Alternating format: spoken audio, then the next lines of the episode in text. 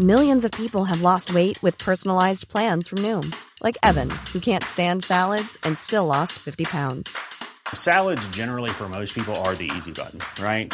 For me, that wasn't an option. I never really was a salad guy. That's just not who I am. But Noom worked for me. Get your personalized plan today at Noom.com. Real Noom user compensated to provide their story. In four weeks, the typical Noom user can expect to lose one to two pounds per week. Individual results may vary.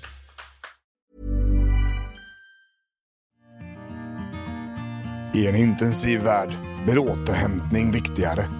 Ändå blir det allt mer sällsynt. Det ändrar vi på i Återhämtningspodden. Varmt välkomna!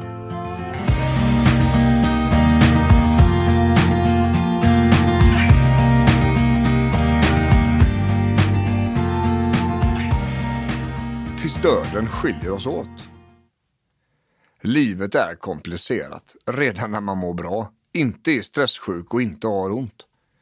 Än värre blir det ju såklart om livet inte är så rosenskimrande som det ser ut på Instagram. Mitt uppe i det brinnande infernot av små och stora grejer vi behöver ta om hand om i livet är det inte ovanligt att det finns en kärleksrelation med en annan människa. Denna texten tänkte jag skulle handla om just den relationen. En oväntat stor del av min arbetsvardag handlar om att hjälpa mina kunder och reda i relationer som ofta kommit på glid av en mängd olika orsaker.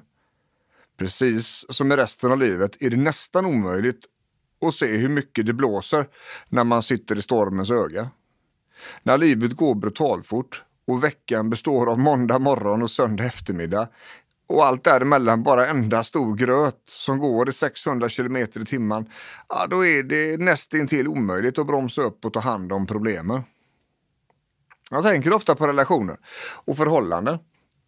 Vad är det som är så viktigt? Vad är det jag behöver? Får min fru vad hon behöver i vår relation? Får hon sin, sin egen tid och sitt eget utrymme? Får jag mitt? Får personen som är framför mig på jobbet vad den behöver i sin relation? Vet de ens själva vad det är? Om man inte vet vad man behöver, hur ska partnern kunna veta det? Hur ska man kunna prata om vad man behöver om man inte ens själv vet? Och är det kanske så då att det här är ett ganska bra ställe att börja på? En relation behöver näring, annars dör den. Punkt. Det går inte att bara samexistera och låta åren gå. Livet är alldeles för kort och skört för att inte leva lyckligt. Kärlek är något av det finaste vi människor kan uppleva. Men det är ingen outtömlig källa med vatten som alltid går att ösa ur. Den behöver fyllas på. Ifrån två håll. Jag har också under åren märkt att det ofta finns en tröskel när det inte går att vända tillbaks. Och där ska vi inte hamna. Och då behöver relationen vårdas från två håll. Då fungerar det inte att båda parterna bara har en tjänst i familjen AB. Ni behöver känna varandra. Ni behöver vara nära, ta på varandra. Ni behöver utmanas i huvudet av varandra. Ni behöver göra saker ihop. Ni behöver ha gemensamma framtidsplaner ihop. Och ni behöver göra roliga saker var för sig. När stressen, stressen driver ifrån oss själva kommer den självklart också att driva isär par. Så är det. Det var ingen fråga, som jag brukar säga till mina klienter. Om jag skulle bli tvungen att lista de tre vanligaste orsakerna till att människor jag träffar lever i relationer som mer eller mindre är döda, skulle det bli utan inbördes ordning.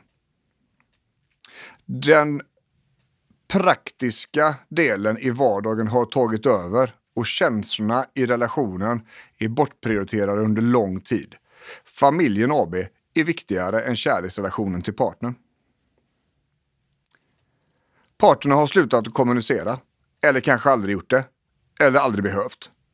Lever man ihop behöver det vara raka rör. Få eller inga hemligheter. Och ett bra samtalsklimat och en samtalskultur.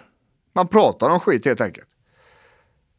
När det slutar kommer stora och små problem slå rot och förgifta hela systemet. Trust me on this one. Det finns ingen närhet.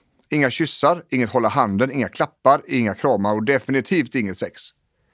Ingenting av det som traditionellt finns i en relation mellan två älskande vuxna människor.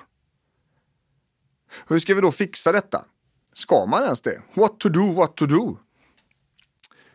Som jag ser det är det absolut viktigaste det är att undvika hamna i fällan. För det är som en jävla kvicksand alltså. Mycket irritation och frustration kan sitta så djupt in att det gått alldeles för långt när det väl kommer till ytan. Uttrycket toppen på isberget är ju relativt känt. Och alldeles oavsett behöver situationen lösas. Lösning punkt nummer ett. Kommunicera. Prata med varandra. Låt den andra prata till punkt. Fråga om du inte förstår. Undvik in i det längsta och börja med försvarstalet under tiden den andra har sin utläggning. Börja ta emot det, hur jobbigt det än känns. Det är partners upplevelse av verkligheten. Lyssna på den och lär dig av den. Förklara din sida och dina upplevelser utan att blanda in den andres. Kräv själv att få prata till punkt om du blir avbruten mot din vilja. Prata om allt. Stör det dig med tvätten på golvet, säg det. Stör det dig att han har slutat ta hand om sig själv och att du inte tycker att det är attraktivt, förklara det. När jag skriver att ni måste kunna prata om allt så menar jag allt. A-L-L-T. Och det är sjukt jobbigt i början. Men när det blir kulturen runt era samtal kommer allt bli så mycket enklare. Lösning punkt nummer två. Har ni inget gemensamt eller väldigt få saker, skaffa fler. Gärna sånt som inte tar slut eller bara sker någon gång om året. Vi tycker om att resa tillsammans. Ja, absolut, jag köper det. Men om ni bara åker en gång om året så räcker det inte till närmelsevis för att underhålla relationen. Jag är hemskt ledsen. Jag pratar om saker som händer kanske inte varje dag, men i alla fall varje vecka. En hobby, en gemensam upplevelse som bägge uppskattar och desto mer i varandras sällskap. Lösning punkt nummer tre. Fysisk närhet är viktigt för oss människor. Det är också viktigt för att bibehålla institutionen kärleksrelationen som jag ser det. Fysisk närhet innefattar bland annat sex. Hur man än försöker vända den diskussionen så är det en viktig del för de allra flesta i kärleksrelationen mellan vuxna människor. Så är det bara. Men det finns mer närhet än samlag. Är det inte läge för sex av olika anledningar kan det absolut vara en bra väg att bara ligga nära varandra och hålla om. Det blir en slags bekräftelse i någon mån om att det är ni två. Det är ingen annan som ligger i famnen, det är partnern. Det kan vara en spontan strykning med handen på partners rygg i soffan. Det kan vara ett spontant letande efter partners hand in i köpcentret bara för att du vill hålla handen. Vara lite nära men ändå en bit ifrån. Får du feeling på att vara nära din partner, ta för dig, visa det. Visa att du vill kramas, att du vill kyssas, att du vill hålla i handen. Av alla viktiga saker jag insett under åren, både privat och professionellt, är det en sak som sticker ut väldigt tydligt. Gå för helvete inte runt och lid i det tysta i en tråkig, dålig och kärlekslös relation. Det kommer att förtära din själ inifrån och du kommer inte märka att du har tagit skada förrän den tagit slut och du kommit ut på andra sidan. Har ni problem, ta tag i det tillsammans. Har ni inga problem, njut av varandra och livet. Det är alldeles för kort för att vara fängslad och instängd i skit. Tack för att ni lyssnar.